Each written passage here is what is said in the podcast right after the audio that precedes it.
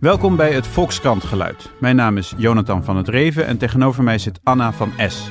Ze is de Midden-Oosten-correspondent van de Volkskrant. En ik heb de laatste tijd met veel bewondering de stukken gelezen van achter de frontlijn in Jemen. Een plek waar eigenlijk vrijwel geen westerse journalist kan of durft te komen. En ik heb een heleboel vragen daarover, maar we beginnen zoals altijd met het geluid.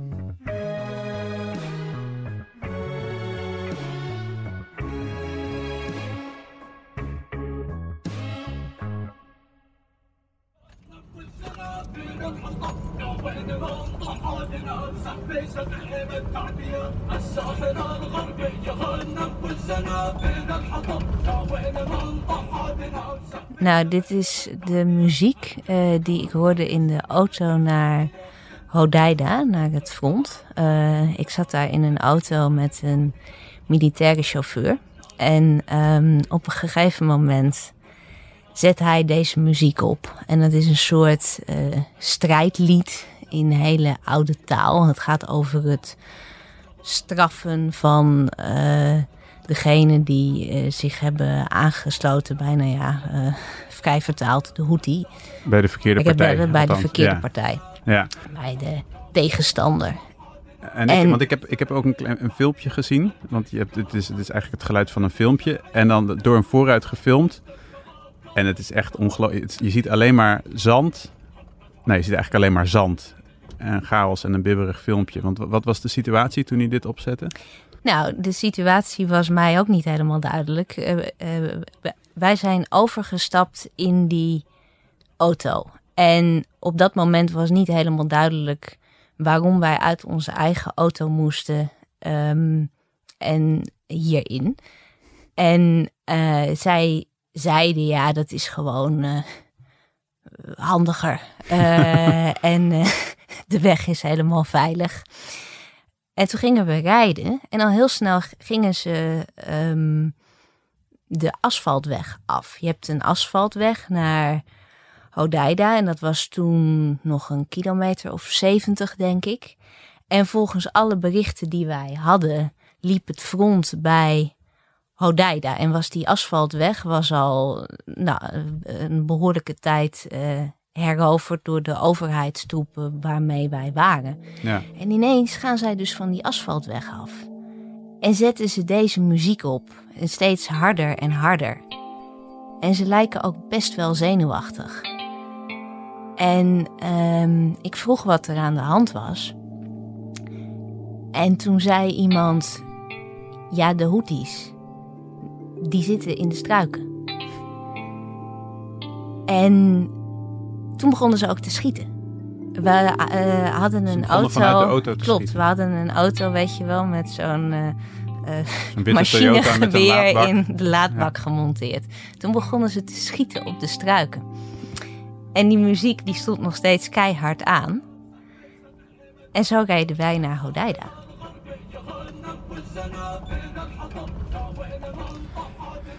Ja, dat, uh, dat klinkt uh, als heel erg eng.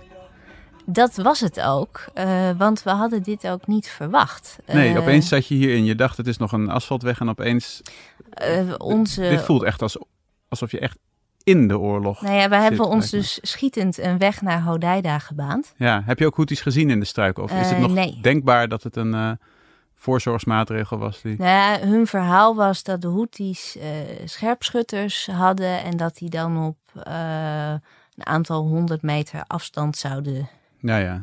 zijn en auto's zouden raken. Ja. En we weten dat één of twee dagen later de uh, Houthi-rebellen er inderdaad in geslaagd zijn om ook die weg over het strand helemaal oh, ook af de te omweg. sluiten. Ook de, ja. de omweg was toen en ook daar ook heel veel slachtoffers hebben gemaakt. Dus dat was daags nadat wij er waren.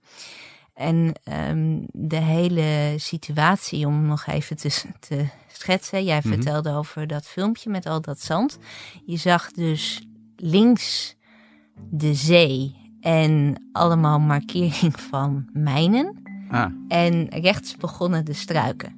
En je had dus een hele smalle corridor. tussen mijnen en ja, waar ze doorheen reden. Ja. Gaan straks nog eventjes eh, praten over, over gevaar en risico's en zo. Want ik wil daar toch een paar dingen over vragen. Maar we moeten eerst heel even, heel even terug, iets globaler. in Jemen, die oorlog. Wat is daar he heel kort aan de hand?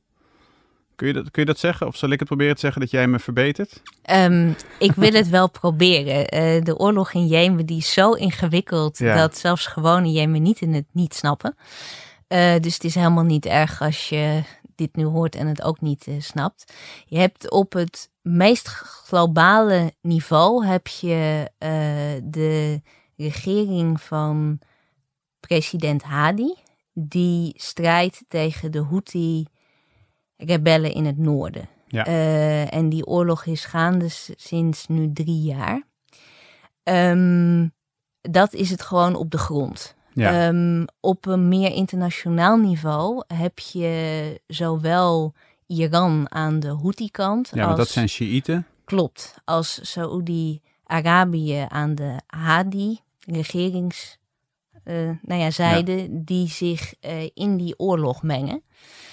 Um, en die dat ook tot een, tot een uh, ja, vrij onoplosbaar conflict hebben gemaakt. Ja, en die, en, die Saudi-Arabiërs uh, die dat steunen en de Soenieten en zo, dat zijn, dat zijn zoals jij uh, Cindy schrijft, onze jongens. Dat zijn onze, onze jongens. Dat maakt het dus extra complex. Dit is ook een oorlog waarin de Verenigde Naties uh, heel duidelijk partij heeft gekozen voor de regering Hadi.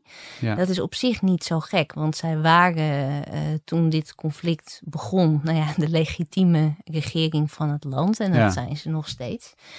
Alleen um, het betekent ook dat uh, de Verenigde Staten en Groot-Brittannië en Frankrijk en nou ja, heel veel andere westerse landen verkopen um, oorlogsmateriaal aan Saoedi-Arabië dat weer wordt ingezet in deze oorlog. En ja. dat gewoon heel veel onschuldige slachtoffers ja, maakt. Maar omdat de VN zegt, dit zijn de goede, Precies. mag dat, is het allemaal legaal Is het allemaal en, en gelegitimeerd en is het ook heel ja. moeilijk om daar uh, iets aan te doen. En je ziet zeker in Nederland... Uh, zie je wel wat aarzeling van ja, onze mannen zijn dit wel onze mannen. Dus Nederland ja. heeft ook uh, in, in uh, heeft uh, afgelopen najaar aangedrongen op een onderzoek naar um, nou ja, schendingen van het ja. oorlogsrecht aan. Ja, ja en toevallig gisteren gister is er nog een bus, een bus gebombardeerd. Dat was waarschijnlijk in Sada, door, door Saudi-Arabië. Ja, dat en daar was heeft de VN ook van gezegd. Ja. Misschien toch even onderzoeken. Ja, dat is aan de rebellenkant uh, gebeurd in een uh, gebied dat gewoon extreem vaak wordt getroffen door uh, luchtbombardementen. En dat ging waarschijnlijk om een schoolbus, waarbij dus, um, het laatste wat ik las, twintig uh, vermoedelijke burgers bij om het leven zijn uh, ja. gekomen. En uh, allebei de partijen die ontkennen dat ze er iets mee te maken hebben. Dat gaat ja. in Jemen heel erg vaak zo. Ja. En er is ook op de grond is er eigenlijk niemand die kan nagaan wat er aan de hand is. Je schrijft ergens, het is aardig op weg om het Vietnam van de Arabische wereld te worden, Jemen. Klopt. En ik snap dat wel, want het is een, soort guerrilla-oorlog. Hè? Dus die je ook niet goed kan winnen, omdat je niet weet wie nou strijder is en wie nou burger. Dat loopt door elkaar. Nou, ik, ik schreef dat op. Uh, omdat uh, je natuurlijk allereerst, hè, dat was gewoon heel erg op het niveau van die oorlog dat ik toen, dat ik toen zag. Je had ja. de Houthis in de struiken zitten. Ja. En uh, aan de regeringskant gaven ze dus aan van ja, wij kunnen er niks aan doen, want ze verschansen zich ja, in de struiken. Het is de schuld van het landschap, zei iemand zelfs. uh, dat vond ik een hele mooie. Maar het idiote aan die oorlog is dat de Houthi-rebellen op het eerste gezicht zouden al jaren geleden verslagen moeten zijn. Want ja. ze hebben, uh, ja, ze, ze, zijn naar verhouding veel minder goed bewapend. Ze genieten veel minder internationale steun. Ja. Um, maar uh, dat worden ze toch niet, omdat ze zich op het slagveld toch elke keer weer heel erg sterk manifesteren. Ja, ja, ja. Maar een groot verschil met de Vietnamoorlog is natuurlijk dat was eigenlijk de eerste oorlog die bij mensen zo in de huiskamer kwam, vooral in Amerika, maar hier ook. De hele popmuziek lijkt er achteraf aan gewijd te zijn, tien jaar lang. Iedereen had het erover, iedereen was er kwaad over en dit lijkt eigenlijk juist het tegenovergestelde. Dit is een, uh, volgens de VN een uh, vergeten oorlog. Um, en het is ook nog een, een, ja, een humanitair drama dat nauwelijks wordt belicht. Want je hebt dus als gevolg van die oorlog... Uh, hebben heel veel mensen in Jemen hebben honger. Ja. En heel veel kinderen zijn zo ondervoed dat ze ziek worden en daar soms van sterven. Um, en daar hoor en lees je vooral uit de tweede hand over. Er zijn bijna geen journalisten daar.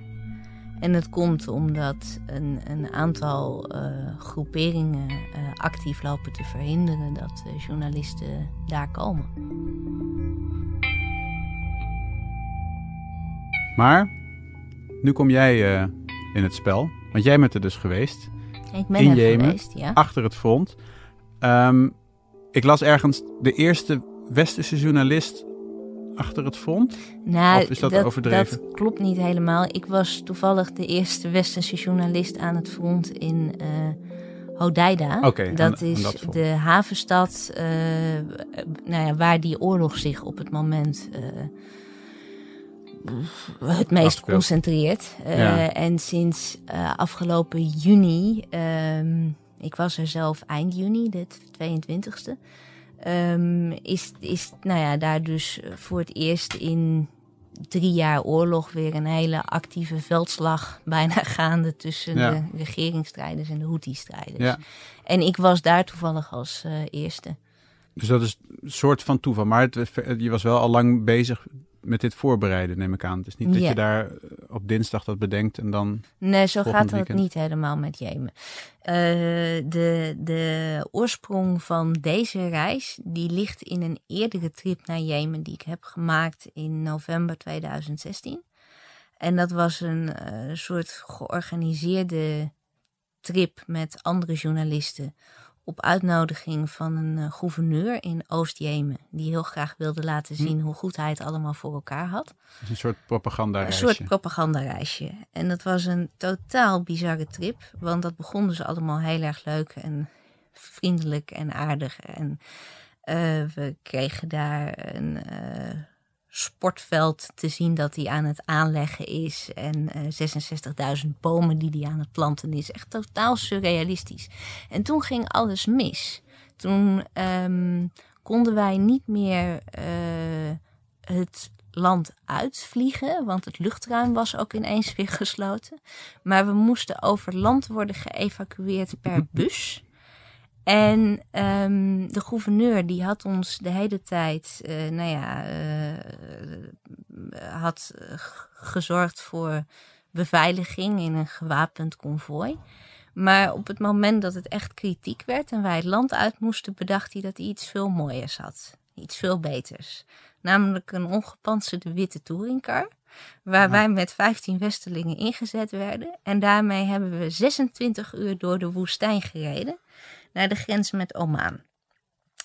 Um, nou, uit die trip heb ik een aantal dingen afgeleid. Namelijk uh, dat het uh, handiger is als je naar Jemen reist om je beveiliging in eigen hand te houden. Mm -hmm.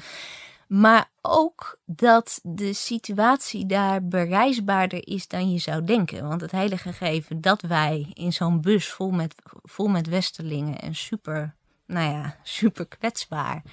Um, dat we er heel hard uit zijn Ja. gekomen, dat mag best wel opzienbarend heten. Ja, Dus vanaf dat moment ben ik gaan kijken van, goh, uh, hoe kan ik een volgende keer uh, op eigen houtje terug? Ja. En uh, ik ben daar hier, begin dit jaar, nou ja, actief mee begonnen. Dus gezorgd voor de juiste vergunningen en want, is, visum. En... want als Midden-Oosten correspondent, je woont in Beirut, Ik woon in Beirut. in ja. Libanon. En uh, daar heb je dus je, je basis. En hoe, hoe, hoe, groot deel van de tijd ben je dan aan het bellen en dingen voorbereiden en regelen? En hoeveel tijd ben je echt met zo'n reis als dit? Um, Op reportage? Nou, de, de voorbereiding van deze reis heeft een aantal maanden gekost. Waarvan uh, ik zeker wel denk dat er zes week fulltime, Ja, ja. fulltime werk in heeft gezeten qua voorbereiding. Ja, Ongelooflijk. ja dat ging En- niet helemaal zomaar. Nee. En die, de risico's, hè? Want ik heb al meer van je gelezen en het is, nou, het is vaak best wel spannend. En deze reis in Jemen was volgens mij, wat ik lees, wel een van je spannendste, denk ik. Je bent zelfs, dat staat al in je stuk, maar ik wil het toch noemen. Je bent zelfs verkleed als Jemenitische vrouw op de achterbank gaan zitten. En heb je een, Jemenitische houding gegeven jezelf met voor de zekerheid een vals huwelijkscontract. Is dat wel het extreemste wat je ooit hebt gedaan? Ehm, maar ik denk dat dat in 2,5 jaar Midden-Oosten correspondentschap wel eh, een van de extremere dingen was, ja. Want- Ehm, het is misschien goed om even uit te leggen hè, ho- hoe en waarom we dat hebben ik zag je gedaan. op Twitter ook al nuanceren. Je zei, ik had wel gewoon goede papieren. Alleen Ja. voor de zekerheid, omdat je niet weet wie er bij zo'n checkpoint staat, had ik maar zo'n... Nou ja, bij, wat ik eh, eh, heel graag wou, dat is niet alleen naar de, overheids, eh, naar de overheidskant, maar ook naar de eh Houthi rebellen eh, aan de andere kant van het front. Dus dat je allebei Ja. de kanten van die oorlog ziet. Ehm, en ik ben er, het- dus we, we, we- we hadden eerst hadden we alle papieren voor de regeringskant. En ehm, daarna dacht ik, ja, zou het nou ook mogelijk zijn om eh, naar de Houthis eh, Ja, te gaan en naar de hoofdstad Sanaa. En tot mijn verbazing lukte het om daar, nou, relatief eenvoudig eh, vergunningen voor te krijgen. Maar toen zaten we met de grote vraag, ja, hoe gaan we daar dan komen? Want je mag dus niet als journalist met een vliegtuig naar Sanaa, in Oh, nee, tegenstelling ja. tot hulpverleners. ja, Dus je moet over land. En de enige manier om voor mij dus in Sanaa te komen, is over land in een auto door de frontlijn. ja. En dat is totaal bi- bizar dat dat überhaupt kan. Maar je hebt dus een aantal punten in dat oorlogsfront waar je er doorheen kan. Want dat is niet een soort aaneengesloten loopgraven, Klopt. lijn. Eh, je hebt eh, ook heel veel plekken waar ze eh, handel met elkaar drijven. Dat konden we ook zien. Er is heel veel verkeer over en weer. Eh, en je hebt dus een aantal routes over de frontlijn heen. Maar dat is voor mij als een buitenlander, eh, ja, als op het, op het moment dat ze je herkennen als een buitenlander, is dat niet verantwoord. Want eh, ze kunnen je eh, aanhouden, maar ze kunnen je ook ontvoeren. Je hebt zeker aan de regeringskant heel veel extremistische strijders die zich in die oorlog hebben gemengd. En je weet gewoon niet wie er bij zo'n checkpoint staat. Nee. En het zijn er tientallen. Je hebt echt Ja. elke paar minuten heb je een checkpoint. Ehm, en je kan ook niet op een afstandje zien wie daar staat. Dus eh, ons idee was van je moet eh, zo eh, min mogelijk aandacht trekken. En dat heb ik gedaan Ja. door inderdaad jemenitische kleren aan te doen. Maar dus een, met de hele gezichtsbedekking en je keek abaya dus- dus en een. Niqab. Eh, hè, dus dan kijk je door zo'n spleetje inderdaad. En daar overheen had ik nog een extra sluier. Dat is daar zeer in de mode gelukkig. Want ik heb, eh, eh, nou ja, een, vrij, blonde uitstraling. ja, vrij blonde uitstraling en ook blauwe ogen. Ja. En dat hebben ze daar niet. Nee, nee, nee. Dus zo hebben we dat opgelost. Het, was- voor mij was het echt een soort, echt een soort kuifje. Heb je, ja, ik, ik, heb, ik heb begrepen dat je ergens anders al gelezen dat je jezelf niet als een held ziet. En eh, dat, dat, eh, dat zal ik dus ook niet. eh, dat, ik vind Oh, je dus ook ik- geen held. ik Je doet gewoon je werk. Precies, Maar hoe-. Hoe ga je om met risico's? Hoe, hoe, hoe beoordeel je dat? Je hebt veel contact met de chef buitenland. Ja, Maar wat is dat dan? Wat heb je daaraan? Om te Nou ja, kijk, eh, de, de inschatting van kunnen we hier veilig werken, dat speelt eigenlijk mee vanaf het, het begin dat je zo'n reis plant. ja. En ehm, Maar ik ben vooral benieuwd naar het moment zelf. Want ik snap wel dat je van tevoren, tuurlijk, iedereen, je gaat kijken, is het veilig? Maar, en je, je hebt, en je je- zorgt voor, een, voor betrouwbare lokale ja, dus je hebt een, mensen een met fixer, wie je werkt. die Je hebt een regelt. fixer en die was echt cruciaal om mij veilig te houden. Want als ik daar in mijn eentje iets zou doen, zou dat gelijk Ja, verkeerd gaan. en, en, en jij, hebt een, jij hebt een veto. Dus jij zegt van ik wil, ik wil terug, we gaan dit niet doen. De chef buitenland die hier op de redactie zit, die steeds maar met jou belt, die heeft een veto. Die zegt Anna kom terug, dit gaan we niet doen. Maar intussen rij je dus, terwijl ze vanuit de achterbak aan het schieten op, zijn op de bosjes, rij je door de woestijn in een pick-up. Wat moet er gebeuren voordat je je veto... Nou, Inschakelt. eh, dat is het ingewikkelde aan deze trip. Als wij hadden geweten dat die rit naar de frontlijn zo zou gaan, Ja. hadden we dat nooit gedaan. Ehm, ik denk dat ik dat wel hardop mag zeggen. Ja. Ehm, maar dat wisten we niet. Nee. Want eh, uit alle openbare bronnen op dat moment, en ook uit iedereen die we ter plaatse spraken, die hadden het verhaal dat het front eh, dus eh, een heel stuk naar het noorden liep. Ja, het was dus anders. Ja, het was dus een beetje anders dan jullie dachten. En wij werden dus overvallen door Ja. het afsluiten van de hoofdweg. En op het moment dat die hij die weg over afging. het strand. Daar had jij kunnen zeggen: Oké, terug. Dit stond niet in de planning. Ik wil nu terug naar waar we vandaan komen. Nou, op dat moment kon dat niet, want wij waren mee met een konvooi waar... eh, Je was onder de. Oh, je ja, was een waar- soort rijdende eh, trein. Waar eh, je, Klopt, daar konden we niet, eh, niet eh, uit. Eh, als dat gekund had, op een eh, normale manier, dan, eh, dan weet ik niet wat we gedaan eh, hadden.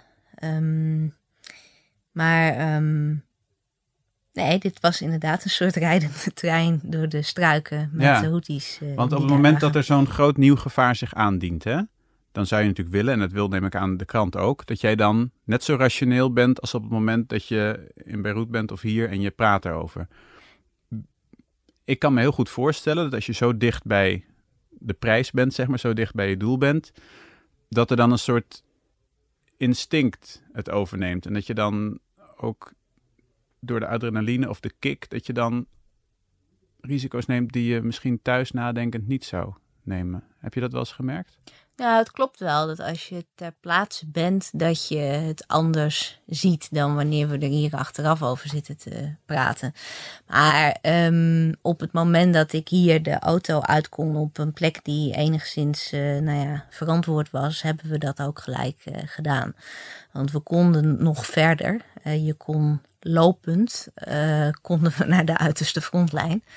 Eh, en daarvan heb ik gelijk gezegd, echt no way dat we dat gaan doen. Want alles wat ze tot dan toe hadden verteld, klopte gewoon niet. Nee. En alles wees erop dat ze de situatie niet onder controle hadden.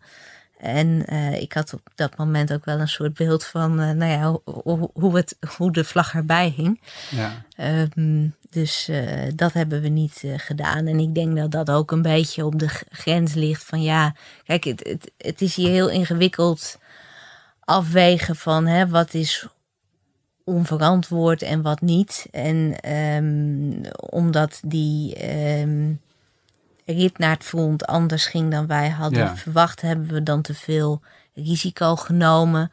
Ehm, ik denk dat dat nog netter wat ophing. Ja. Ehm, maar ik had wel heel sterk zo, zo, zoiets ook naar mijn lokale team toe. Van we gaan geen stap verder dan we nu hebben gedaan. Nee, nee, nee.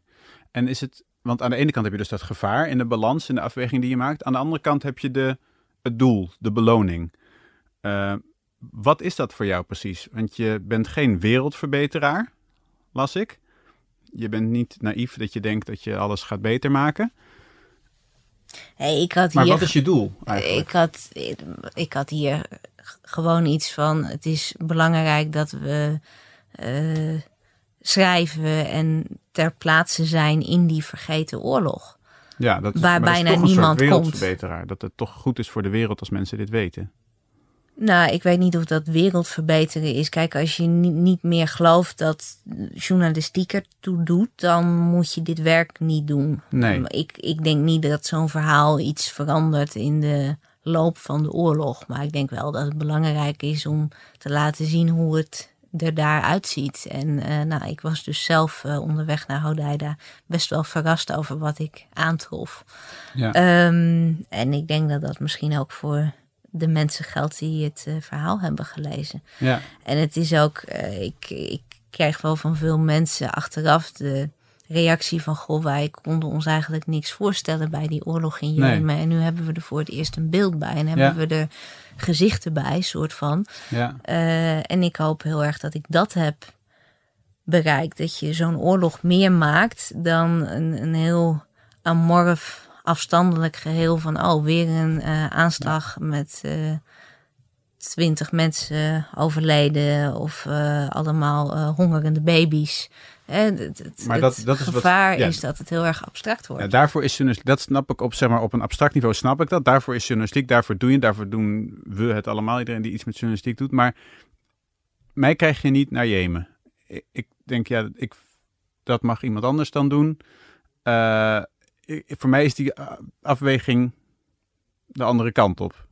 Ik, ik vraag me toch af of je En, niet... en het is wel fascinerend. Want hoe zie, hoe- heb, heb, heb, je- heb je daar wel eens over nagedacht? Of is dat iets... Nee, helemaal. Nou ja, nu de laatste nu. dagen, nu, Ja, ja. nu, ik- nu ik zeg maar met jou Ja, bezig ben, denk ik daar vaak over na. Van zou ik dat doen? En ik, ik zou, als het, als het al zou mogen van mijn eh, vriendin, zeg maar, dan zou ik, ik zou dat niet willen. Gewoon omdat ik dat eng vind en omdat ik het, ja, ik wil de wereld wel beter maken, maar ik ga niet zelf daarvoor sneuvelen.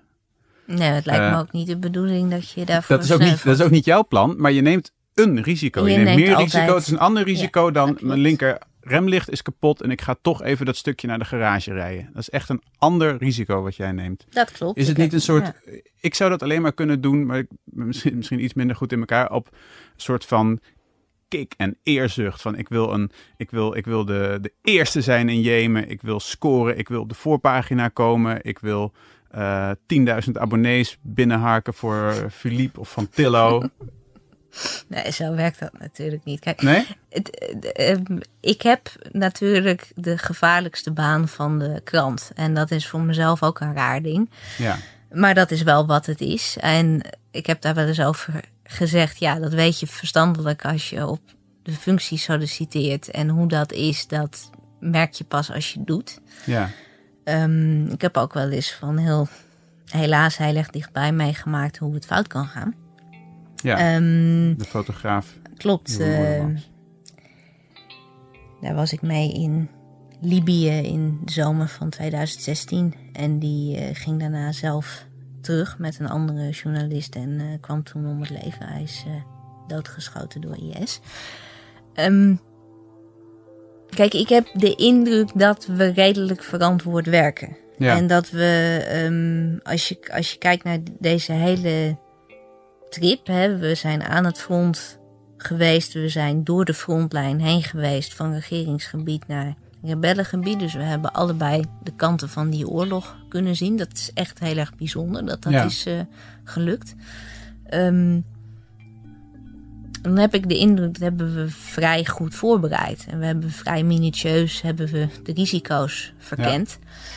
Ehm, dat wil niet zeggen dat er niks mis kan gaan. Nee. En dat wil ook niet zeggen dat je eh, elk risico kunt uitsluiten. Dat is inderdaad, ja, de, de- ik, ik, heb, ik heb het wel eens de inshallah-factor genoemd. Uiteindelijk hoop je natuurlijk ook een beetje dat het goed gaat. Kijk, we Ja. hebben er echt alles aan gedaan. Ehm, en dat zit hem dan vooral in de selectie van met wie je daar werkt. Eh, Ja. Echt heel veel tijd ge- gestopt in de screening van mijn fixer. Ja, ja. Eh, dat je daar echt een goede voor hebt. Ook iemand die een beetje ja, verantwoord werkt zelf. Ehm, want daar gaat heel veel mis met fixers. ja. Maar er blijft altijd onder de streep, blijft er ook altijd een stukje risico over. En dat verwezenlijkte zich hier ehm, Ja. eh, in de struiken onderweg naar het front. En ik vrees dat je dat niet helemaal kunt, kunt. Uitgummen. Nou ja, Dat nee, behalve dus door, behalve altijd- dus, ik doe dat dus door, door niet Ja. naar Jemen te gaan. Maar Nee, inderdaad, als je, als, je dat, ja. als je dat bereid bent om dat te doen, niet als held, maar gewoon omdat je werk is, dan, eh, dan heb je dat risico. Is het dan als je terugkomt, want je woont in Beirut en ik neem aan dat je daar ook contact hebt met veel andere correspondenten en zo. Ehm, maar als je dan terug in Nederland bent, zoals nu, is het dan moeilijk anders communiceren met je vrienden? Word je dan als mensen zeuren van ja, ik, eh, mijn verbouwing loopt uit, Anna. Wat vind je daarvan? Vind je het dan moeilijk om daar iets van te vinden? Nou, ik Als je had, net een massagraf hebt gezien of een oorlog? ik had nu een vrij tumultueuze terugkeer. Want ik kwam donderdag uit Jemen. Mhm. En toen vloog ik terug via Amman in Jordanië. Ik kon zaterdag door naar Beirut. En zondagochtend begon mijn vakantie. Dus ik had Ah. net tijd om mijn tas over te pakken. Eh, en ik ging met een vriendin ging ik wandelen in de Alpen. En ik landde dus zondagochtend. En dat was dus eh, ongeveer drie dagen nadat ik eh, er, eruit was. Dat die Mhm. oorlog uit was. Land ik op het vliegveld van Genève. En dat was een soort van LSD-trip. Want het was daar allemaal groen en netjes. En die vriendin haalde me op met de auto. En zij stopt daar in the middle of nowhere zomaar op straat. En dat bleek omdat er een stoplicht was dat op rood stond. Ik had echt zoiets van, what the fuck are you doing? Hand. gewoon door. dus dan merk je dat je echt nog helemaal met je hoofd in die oorlog zit. En dat heeft ook wel even geduurd voordat dat eh, voorbij was. En gaat het ooit helemaal voorbij? Je? Eh, Kun je ooit weer helemaal levelen, om het lelijk te zeggen, met mensen die niet zoiets hebben gezien of meegemaakt? Nou, dit aspect van je werk, dat kan je niet delen. Nee. Dat vind ik lastig. Maar eh, och, als je maar lang genoeg eh, hier gewoon weer eh, een beetje zit, dan komt dat vanzelf weer hoor. Ik probeer het ook wel heel erg. Ik bedoel, het is niet goed en ook een beetje asociaal als je alleen nog maar over je Nou ja, nee. ervaringen daar kan Ja. praten. Dan word je toch een beetje een ja, ja.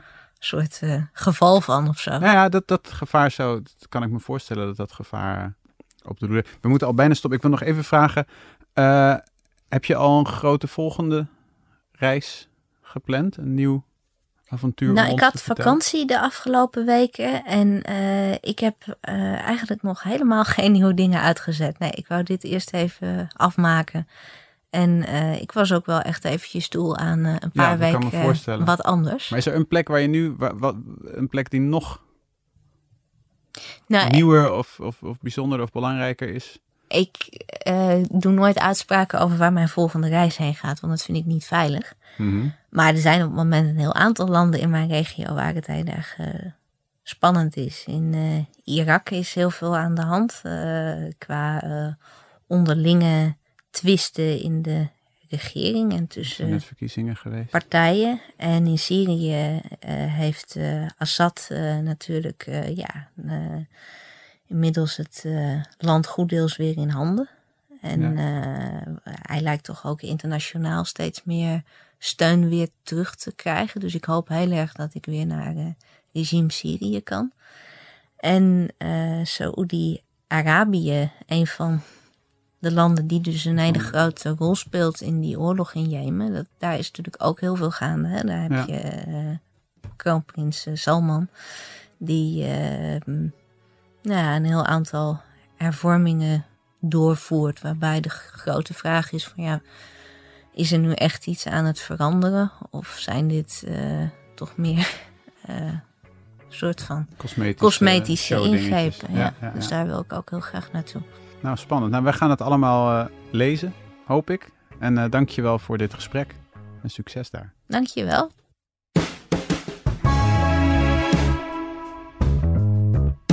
Dit was het Volkskrant geluid van deze week. Eh, als je nou de volgende aflevering niet wilt missen, dan moet je je abonneren. En dan krijg je vanzelf een berichtje. Dag.